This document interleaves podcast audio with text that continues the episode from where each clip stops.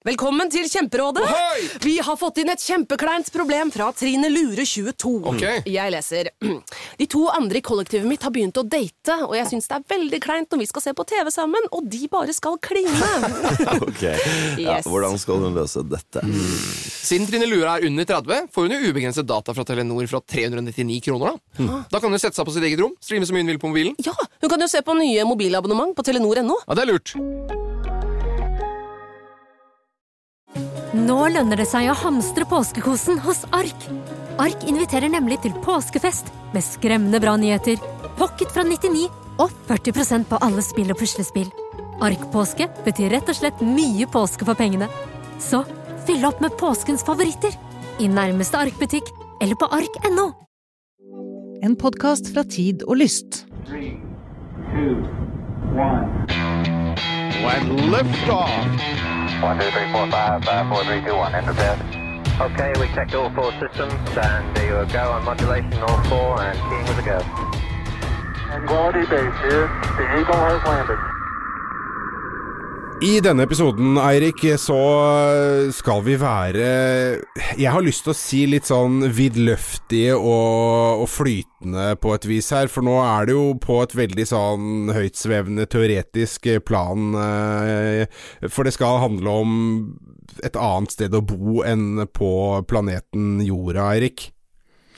Ja, det skal det, og, og det er litt som respons på Eller egentlig mye som respons på, eh, på, på lytterne våre, som uh, har spurt om dette med uh, og det sier litt om hva slags lyttere vi har, da. De spør om dette med liksom hvor Hvis du først skal eh, kolonisere verdensrommet, hva er det beste stedet å gjøre det på? For vi har hatt veldig mye fokus på eh, kolonisering av Mars, og det har jo mye å gjøre med at både NASA og diverse private aktører er veldig opptatt av dette med liksom å lande på Mars og bygge baser der og produsere vann og produsere energi. Og så ha, finnes det et alternativ, og det er sånne store romstasjoner eh, som roterer og lager kunstig gravitasjon, og som derfor eh, folk kan bo i. Ja, og øh, da er det sånn da at vi skal lage så, så, Dette her er jo sånn type Åh, gud, hva er det alle disse filmene heter med Elysium og Ja. alt hva nå det måtte være av hjul som roterer ut i verdensrommet, eller sylindere som roterer ut i verdensrommet, og der bor de, de rike og privilegerte. Ja, det har vært en? Det har liksom vært en eh, Sånn som det har vært skildret på film. Og jeg kan jo si det første først, da. Det er jo sånn at eh, det er fullt mulig å skape eh, gravitasjon i verdensrommet. Hvis du snurrer rundt, så er det jo sentrifugalkraften, eller vil noen sikkert påpeke sentripetalkraften. Men altså, da vil du presses når Hvis du er i en roterende romstasjon, så vil du presses mot veggene på romstasjonen og oppleve som du har tyngdekraft. Og så er det en ting som, eh, som ikke alle har vært oppmerksom på, det er at hvis, hvis du har en liten romstasjon som snurrer fort, så vil folk faktisk bli svimle av det også. Sånn at du trenger egentlig, hvis du skal lage kunstig tyngdekraft, så må den romstasjonen være veldig stor. Egentlig mer enn 500 meter tvers over. For å unngå at folk blir kvalme og svimle. Og, og det er da folk begynte å tenke at men kan vi kanskje bygge så store romstasjoner, da? Altså med hjulformet eller sylinderformet og så begynte, og, dette har man jo spekulert på i over 100 år, og så på 70-tallet så tok dette helt av, for da var det en amerikansk fysiker som het eh, Gerard O'Neill. Han kom da på tanken om at eh, dette kunne, vi kunne bygge så store romstasjoner. Vi kunne bygge dem, Han så for seg romstasjoner som var sånn typ én mil i diameter, sylinderformede, og fire-fem mil lange med plass til ti millioner mennesker. Ja, ikke sant. Eh, hvor man eh, har alt og er sjølberga, og det er kuer in eh, space og pigs in space og, og alt dette her. Kanskje ikke kuer, da, for det, det er jo ikke så Det er plutselig så lite bærekraftig, men ja. Ja, ikke sant? Men, men, men, men helt klart altså en eller annen form for Altså at du kan ha, som du sier, helt Du kan ha eh, For når vi tenker oss baser på Mars, så tenker vi at ting er veldig små, det er kompakt, du skal jo dyrke mat der, men det blir antagelig sånn vertikalgårder med hydroponisk vegansk mat, og det han sa var jo mer eller mindre Hvorfor ikke tenke stort, for da kan du på en måte flytte alt ved det menneskelige liv. Altså friluftsliv, eh, du kan ha innsjøer, du kan ha fiske, du kan ha jordbruk, ikke sant. Du kan ha storbyer inni disse roterende romstasjonene, og han så vel vel mer eller mindre for seg dem som en sånn eh, ja, litt sånn, sånn selvstendige sånn by, En sånn bystat, da. Litt som Singapore i rommet, hvis man kan tenke seg det. Og dette her er da stasjoner som skal være i disse her, hva er de heter for disse punktene, Lagrange- Lagrange-punktene, La hvor Ja. de holder seg, og der skal de snurre rundt. Ja, vi har jo snakket om de før. altså Du har jo flere lag- lagrangepunkter. øh, og, og vi har jo snakket om det, f.eks. det som øh, James Webb-teleskopet skal henge i. Det har vi en sending om. Og så hadde vi Pål Brekke som fortalte om Soho-sonden, som var i en annet lagrangepunkt. Og så finnes det øh, et par stykker til venstre og høyre for månen, hvor det finnes stabile baner, hvor det er mulig å plassere kjempemessige romstasjoner. Og da er du fremdeles ganske nær jorda. Og samtidig så er du liksom langt nok unna jorda til at de faktisk kan tenkes å, å, å, å bli selvstendige og klare seg selv. Så ja, så det vi tenkte å, se litt på, var rett og slett hva er på en måte argumentene for og imot planeter? Og for og imot, og for og imot disse roterende romstasjonene. Og okay. dette er ikke en tulledi... Ikke sant? Og dette er ikke en tullediskusjon, fordi at to stykker som vi pleier å nevne en del ganger i denne podkasten, de, de har faktisk en liten sånn bitchfight gående om dette. De krangler om dette. Disse to, eh, da I og med at det er en pågående krangel, så er da Werner von Braun ikke en av dem, men nå var ikke han helt fremmed for romstasjoner, han heller. Nei, han var veldig for disse romstasjonene, faktisk. Så det er helt riktig. Det er jo Noe av det første han foreslo, var at man skulle bygge de store. Og han, han eh, prøvde å selge inn roterende romstasjoner til amerikanerne tidlig på 1950-tallet. Så han var jo helt med der. I, men, men han ville ha begge deler, han. Eh, ja takk, begge deler. Både kolonisering av planetene og roterende romstasjoner i rommet. Mens Elon Musk, hallo, selvfølgelig, han er for kolonisering av planeter. Alle vet at han vil til Mars. Og så er det da hans eh, milliardærkonkurrent. De kappes både om å være verdens rikeste og nest rikeste mann, og om å ha det kuleste romprogrammet. Og Jeff Bezos han vil bygge store romkolonier. Han mener at det er en bedre løsning. Så på sett og vis er dette her i sånn kjør, kjør eh, fight. Uh, Elon versus Jeff. Kan vi, før vi bare går videre inn i purra her, si at jeg vil også gjerne ha begge deler? Ja, jeg også. Ja. Så jeg skjønner ikke egentlig altså, Og, og jeg, jeg følger dem jo begge i sosiale medier. Jeg følger jo fansene deres. Og jeg blir litt sånn Hvorfor i all verden kan vi ikke liksom si at begge deler har sine fordeler og ulemper? Og det er litt der vi skal være i dag. Så dette er Vi er, vi er nordiske, vi er norske. Vi liker eh, konsensus og, og fornuftig. Og så er disse to er amerikanere, og vi vet at amerikanere kan bli hissige. De kan bli så hissige at de av og til forsøker å storme sin egen nasjonalforsamling. Vi vet jo dette. Nei, nei, nå finner du på ting. Det ville aldri skjedd. Nei, vent litt. Nei, det- Skal vi se. Ja, oh, ja sånn ja, var det. Så, Det var- Men vi, vi gjør ikke det, så vi, vi tar den nordiske løsningen, og skal vi se, argumentere rasjonelt for og imot. Ok, la oss begynne da. Fordi, Ja. altså bare sånn om On the tip of my tongue eh, og et eller annet sånt, så tenker jeg at skulle man bygge en sånn kjempesvær romstasjon, så ville jo det blitt fryktelig dyrt. Men la oss bare la det henge der nå, da, ute på Lagrange-punktet, og starte Ja. med planetene. Argumenter for planeter. Uh, og, og da Ja. snakker vi jo Hvis vi skal ha en form for realisme i dette her, så snakker vi jo Mars, for det er jo det nærmeste, den som det på en måte er mulig å komme seg til. Ja, ikke sant. For altså, du kan si at det fins jo milliarder av planeter her ute, det vet vi nå, men de er jo så langt unna. Og, og derfor er det Mars vi egentlig snakker om. Og, og, og det liksom sånn Det viktigste argumentet for en planet er selvfølgelig at alt du trenger for å bygge en base, alt du trenger for å, å, å dyrke jorda, lage mat, lage det du trenger for å leve, det fins veldig nær deg. Altså, det er i landskapet rundt deg. Du plasserer en base på Mars. Og, og noen hundre meter fra der du bor, så vil det være, det vil være vann, du vil finne metaller og mineraler, og, du vil, og så er det jo atmosfære der. Så du, du har veldig mye råstoffer rett ved siden av deg. Ja, men på en annen side så er jo Mars et uh, an excuse my French jævla drittsted å bo. Det er jo ikke spesielt koselig der. Nei, nemlig.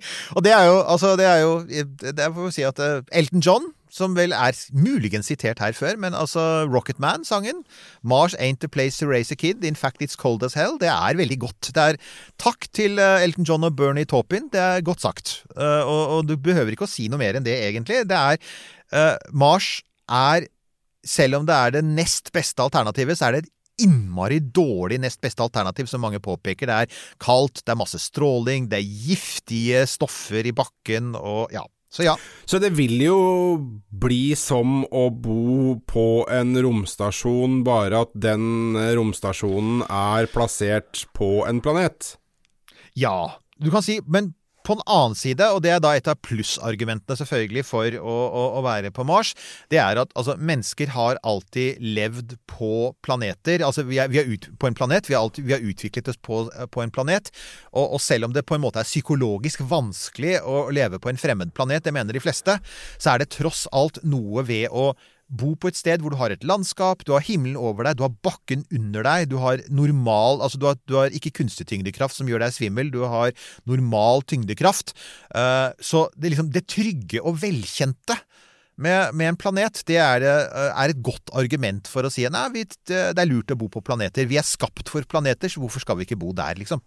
Mm.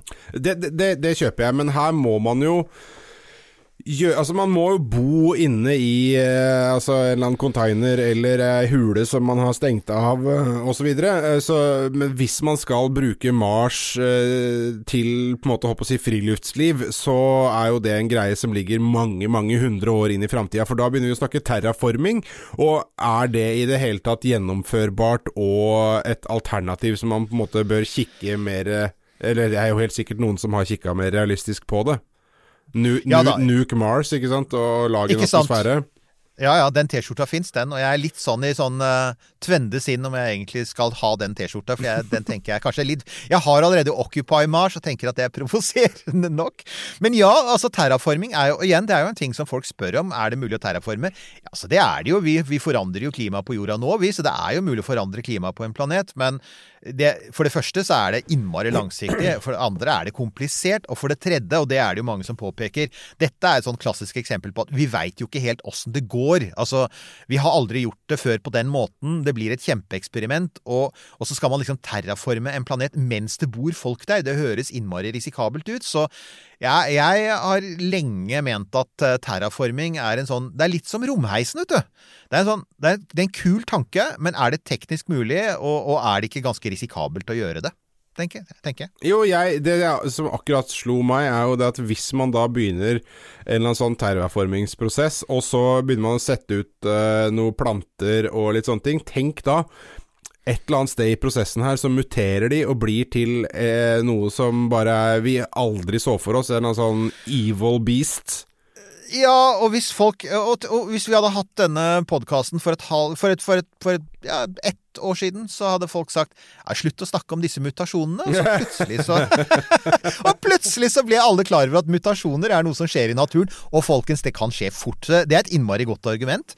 Og så er det ett til, da, og det ville jo vår uh, rometiker, som Andrea, som vi hadde i studio for ca. et år siden. Vel verdt å høre på den sendingen nå. Hun, hun og hennes uh, rometikerkolleger ville også påpeke at det er etiske problemer knyttet til å bare rulle ut uh, asfalt på en planet, og det er hvis det finnes liv der, f.eks. eksempel. og det er ikke utenkelig at det finnes primitivt liv på Mars. Da Altså, da finnes det jo lover og regler som egentlig forbyr oss å gjøre så mye der, og, og tråkke for mye på det livet, men det er jo også et etisk spørsmål som selvfølgelig er er det riktig på en måte å si ja, vi trenger denne planeten, så da bare tar vi det og så blåser vi om det finnes noe annet der, liksom, selv om det er bakterier? Det er det jo en del filmer som er basert på liksom, den samme problematikken akkurat der, eh, Eirik. Så, så, vi vet jo det at uh, svaret på det, altså det enkle svaret på det, vil jo være nei. Uh, vi, vi, må være snille med de andre i universet. Uh, ja. men, så, så vet du, sånn som det begynner å gå her, den veien høna sparker nå, er jo det at det, jeg føler at det er flere argumenter mot i hvert fall Mars enn det er for. Ja, altså For å si det sånn, eh, jeg, jeg, tror at vi helt klart kommer til å prøve oss på Mars. Det er så sterke krefter i sving nå for å gjøre det. Men jeg tror også det blir innmari vanskelig. Jeg tror vi kommer til å møte på en del uh, ting der som ikke vi så for oss. Og, og, uh, og, og selv Elon Musk er jo ute og advarer og sier at dette kommer til å koste ganske mange menneskeliv. Det tror jeg han er fullstendig rett i. Så, så ja. og er, Mars er, er, ikke skapt for mennesker. Og du kan si at det er jo da Når jeg tenker på romkolonier, disse svære romkoloniene, da, så tenker jeg at det, det, viktigste argumentet for dem, det er jo at det kan skreddersys til å passe mennesker helt perfekt. Altså, du kan lage helt perfekt eh, tyngdekraft, for Mars har bare en tredjedel av jordas tyngdekraft. Vi veit jo ikke helt åssen det vil funke på oss på sikt. Uh, helt perfekt temperatur, klima, vi kan ha akkurat de plantene vi vil, akkurat de dyra vi vil. Vi kan liksom bare lage oss det, det perfekte økosystemet i en sånn stor uh, roterende sylinder. Ja, og ikke sant Eh, det, Så det eneste argumentet du da på en måte ikke har, er jo Ja, eh, men mennesket er jo vant til å gå på fast grunn. Ja, det er akkurat det. Ikke sant? Og, og, og, du kan si at det, det, et sånt psykologisk argument mot dette her er jo selvfølgelig altså at en sånn romkoloni uh, vil se innmari rar ut. Du vil bo Altså, hvis du tenker deg en av disse store O'Neill-sylinderne som ble foreslått på 1970-tallet, og det er teknisk sett egentlig ikke noe i veien for å bygge dem. Allerede på 70-tallet var det teknisk sett mulig å bygge dem. Uh, Men han sier altså at tanken da er at du står, når du står på bakken og ser opp, så ser jo ikke du himmelen over deg. Du ser, du ser jo motsatt side av sylinderen, så du står og ser rett opp på toppen av hodet til de som er på motsatt side, ikke sant? og, og, og den tanken på at du bor eller, så det er liksom det psykologiske med at egentlig så bor du i enden av et rør, kjempelangt rør, men du bor også i bunnen av en dal som krummer seg over deg. Det tror jeg kommer til å koste litt psykologisk, altså. Jo, det er klart, men da må man se på hva slags perspektiv man har på en sånn, kol eh, en sånn koloni, da. For da vil du jo eh, Neste generasjon eh, vil jo ikke kjenne til noe annet enn det her. Og dette her er jo sånn eh, Altså, min nye favoritt, eh, Expanse-serien, Ja. eh, tar jo opp i seg akkurat det der. og, og da vil jo nye, nye generasjoner eh, bli eh, mennesker som er født inn i et liv i en romstasjon, eh, Ja. og ikke vil kjenne til livet på terraforma. Så, så det er jo altså, I det perspektivet så vil jo det gå i anførselstegn fort over. Uh, selv om du vil ha en foreldregenerasjon der som sikkert er ganske ko-ko, uh, fordi de plutselig må, må, må bo i en kanelone. Uh, og det, det er litt merkelig. Det er helt sant. Og det er klart at den tingen du, den tingen du slipper, uh, det er jo igjen dette herre altså eh, den ekstreme tilpasningen til ekstremt klima og annen tyngdekraft. Og så selvfølgelig, det er også mye lettere å skjerme for stråling, fordi at gulvet i Altså, eh, røret er jo laget av tjukt metall og antagelig kledd i stein, og vil være så tjukt i seg selv at det beskytter ganske godt mot stråling. Så man regner faktisk også at det er et mye mindre problem i sånne romkolonier. Eh, det fins jo et innmari interessant argument med det, som man ofte ikke tenker på. det er at når, Vi snakket jo om at de kan legges i disse Lagrange-punktene, altså i bane rundt jorda eh, til høyre og venstre for månen. Men de kan jo egentlig plasseres hvor som helst. Du tenker på The Expanse, ikke sant, som er sånn asteroidebasert økonomi. Og det er jo da så mange som påpeker at ja, men du kan jo plassere disse romkoloniene hvor du vil. Du kan plassere dem rundt Venus, du kan plassere dem rundt Mars, du kan plassere dem i asteroidebeltet. Og det er sånn tanken om at hvis, du, hvis vi ut, ut, altså hvis vi drar ut i, i, i- solsystemet, da, så skal vi jo ikke bare til Mars. Vi skal jo kanskje lage en hel sånn solsystemøkonomi, ikke sant?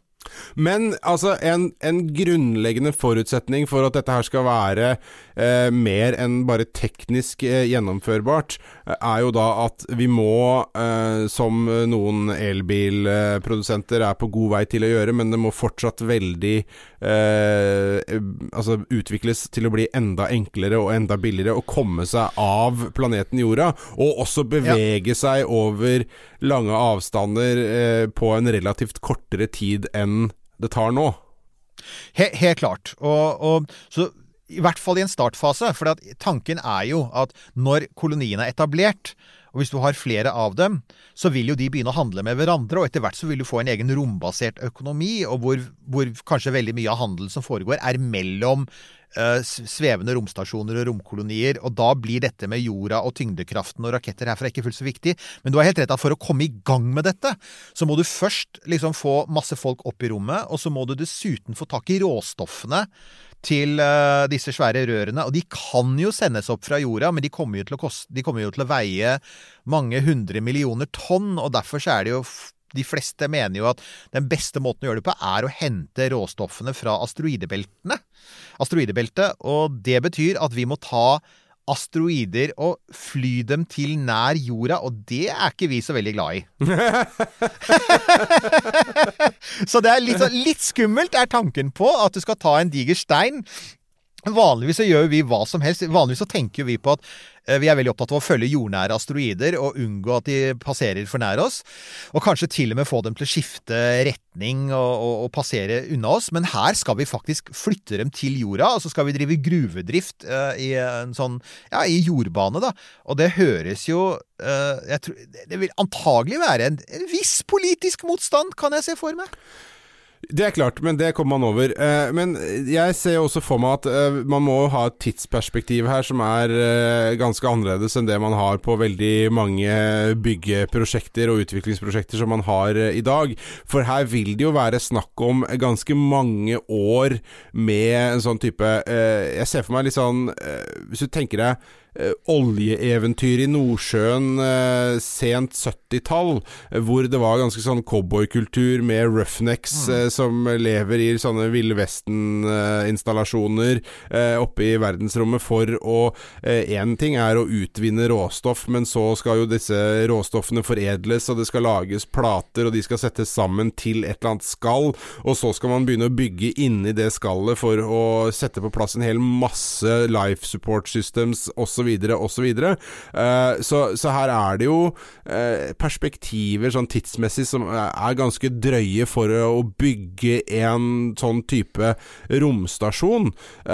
Men men da kommer man jo kanskje inn på et, eh, et, eh, et argument for eh, type eh, en sånn romstasjon, bare at på Mars. For der vil det jo tilgangen på råmateriale, om ikke annet, være litt enklere. Det vil det være. Og, og jeg tror jo uansett at man ikke kommer til å Man kommer ikke til å bygge det svære røret med en gang. Men det folk har snakket om, er at det finnes noen sånne kule Og jeg skal legge ut en lenke i shownotene våre til eh, en artikkel om akkurat det. Om det finnes noen sånne konsepter der ute hvor man sier at du kan starte i det små. Du kan f.eks. starte med en Du kan først starte med to kapsler i hver sin ende av en lang snor som snurrer rundt hverandre, og så, det, og så, så får du kunstig tyngdekraft.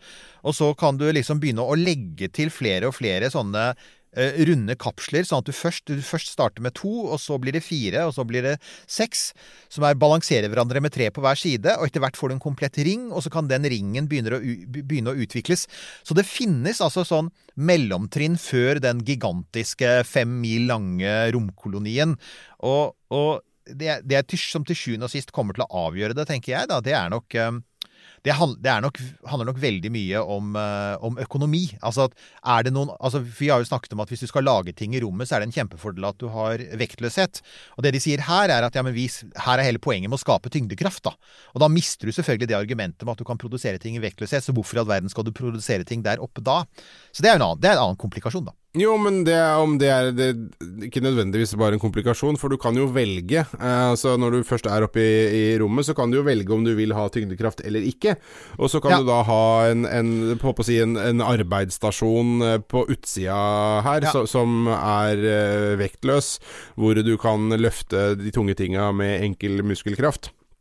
Det er helt sant. Og en, en, en artig ting med disse her kjempekoloniene, disse rørformede kjempekoloniene, er jo at på, på, på gulvet, altså langs veggen av røret, på innsiden av røret, der vil det være full jordisk tyngdekraft, 1G. Men hvis du beveger deg mot sentrum, da, så blir tyngdekraften lavere og lavere. Og i midten av røret, der er det faktisk vektløshet. Så hvis du da tenker at du skal fly fra den ene enden av røret til den andre, så vil du komme deg opp i høyden, og så vil du fly langs midten av røret, for der er det vektløshet. Så så en sånn stor romkoloni vil kunne kombinere begge deler, altså the best of both worlds. Du kan, du kan få alle de tyngdekraftene du ønsker deg, avhengig av hvor høyt opp i det røret du er, da.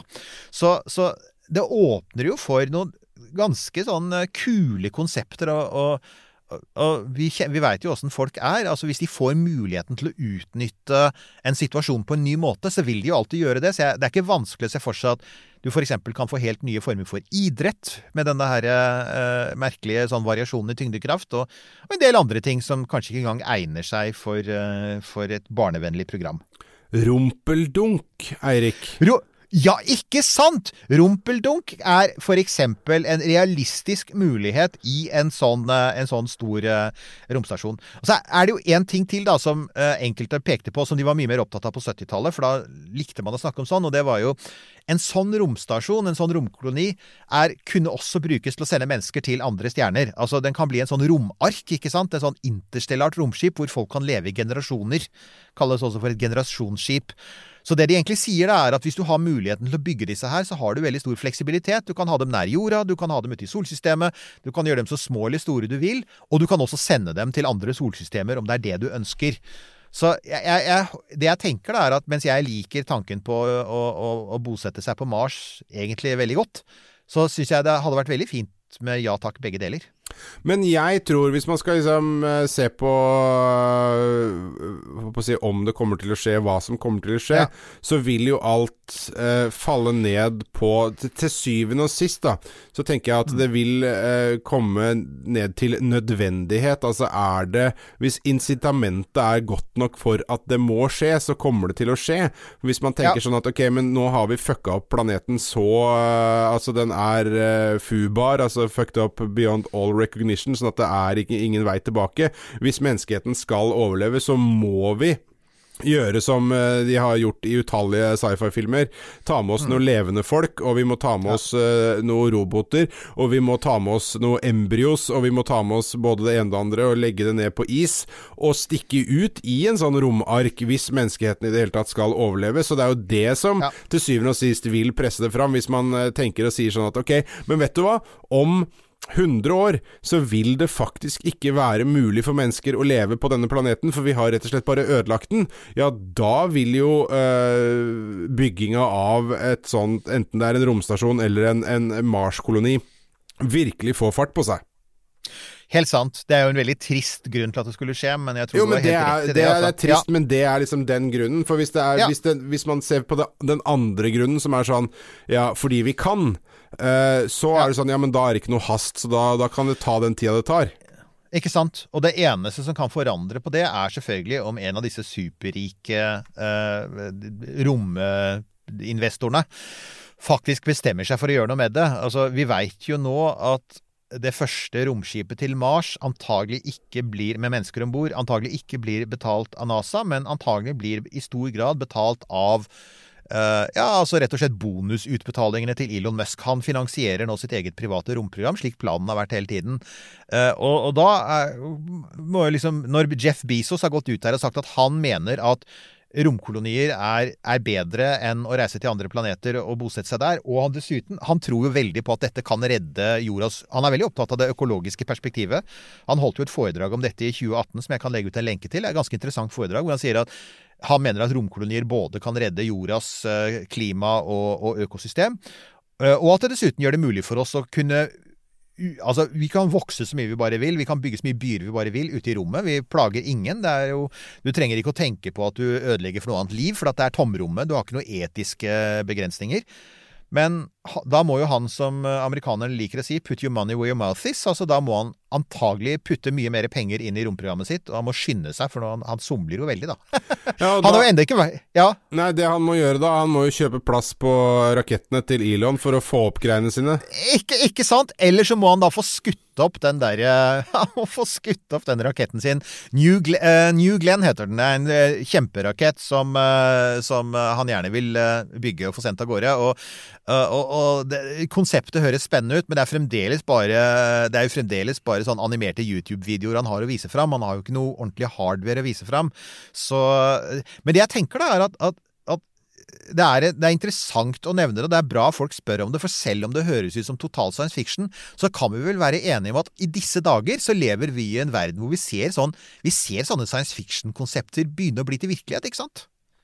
Ja, og det som, det som slo meg eh, nå, tenk hvis eh, de to gutta der kunne samarbeida.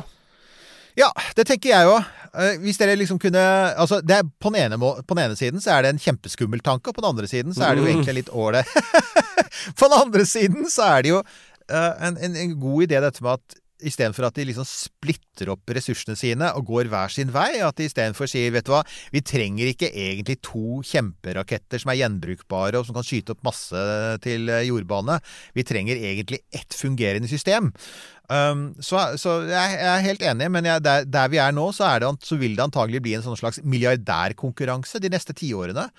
Og, og det er jo viktig å huske på at akkurat nå så er liksom sånn Jeff Bezos som har, Han har veldig store visjoner, det bare går så innmari langsomt.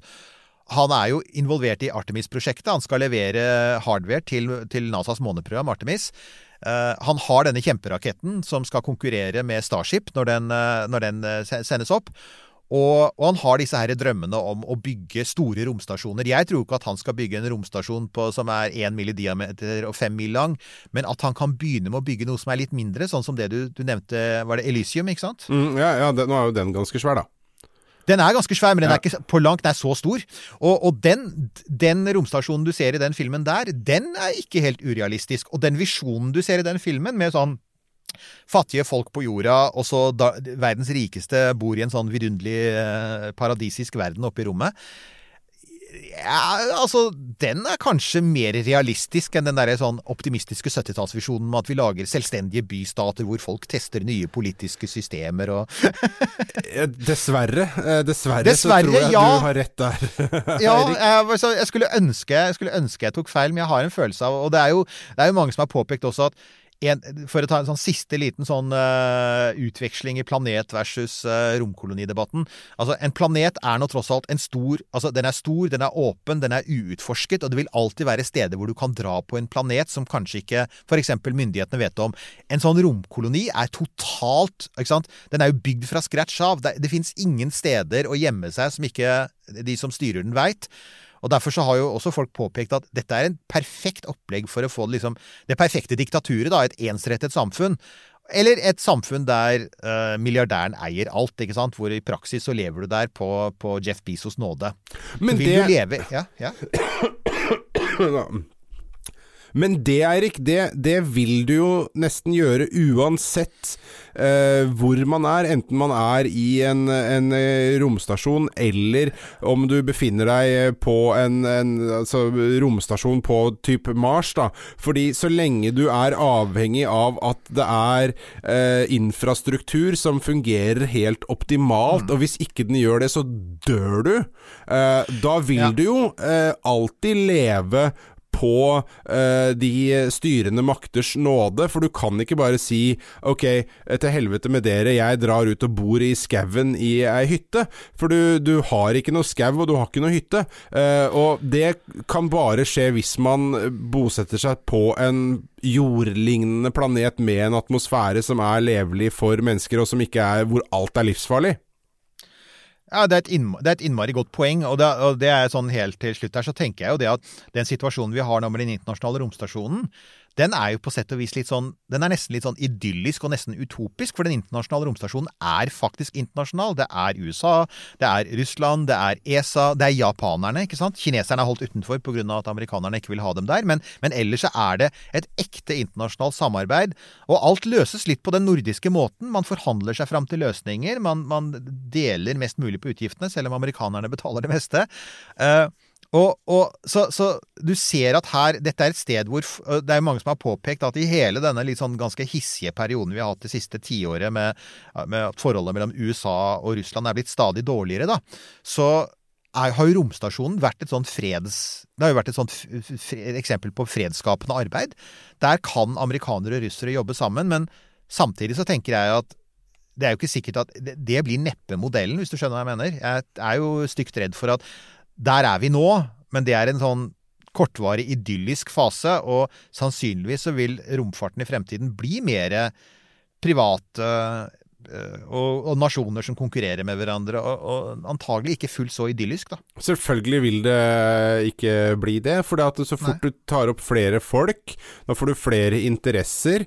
Eh, Så fort du tar opp eh, Du tar opp menneskeheten, da, istedenfor å bare ta opp noen få representanter som er det jeg vil anta er relativt eh, oppvakte, oppegående folk som, som klarer å beherske seg, og som klarer å samarbeide eh, for et felles mål, så så går det bra. Men så fort du tar opp uh, flere økonomiske interesser, ikke minst, og også Ja. et sånt uh, behov for å bestemme sjøl, og, og, og ha en eller annen form for råderett over eget liv, ikke bare en liten periode av et liv, så begynner du å komplisere ting. Da får opp liksom det verste av menneskeheten. Nå kan en si at det er det beste av menneskeheten som på, på mange måter er, er på plass, men, men når du får opp hele menneskeheten, ja da skal man Da er det mange som må konsentrere seg veldig hvis det skal gå, gå bra uten øh, noen, øh, noe sånn spacing og, og hard straff, for å sette eksempel for de som øh, tråkker over grensa, altså. Ja, Det syns jeg var en veldig Det var veldig gode ord å avslutte på. Å se. Dette er det vi veit om, om, om, om romfart, og det er at når det kommer til stykket, så, så er det jo til sjuende og sist mennesker som gjør det, og det er vanlige mennesker, menneskelige følelser og, og reaksjoner og, og motiver som, som gjelder, så ja. Men eh, så da tenker jeg at vi avrunder akkurat dette spørsmålet. Vi kommer sikkert tilbake til det, og det skal bli spennende å se hvordan det går i, eh, i årene framover. Hvilken av de to strategiene som ender opp med å bli dominerende. Jeg, jeg er ikke et øyeblikk i tvil om at å eh, reise til Mars kommer til å skje mye fortere, rett og slett fordi det er billigere og enklere. Men uh, det skal bli spennende.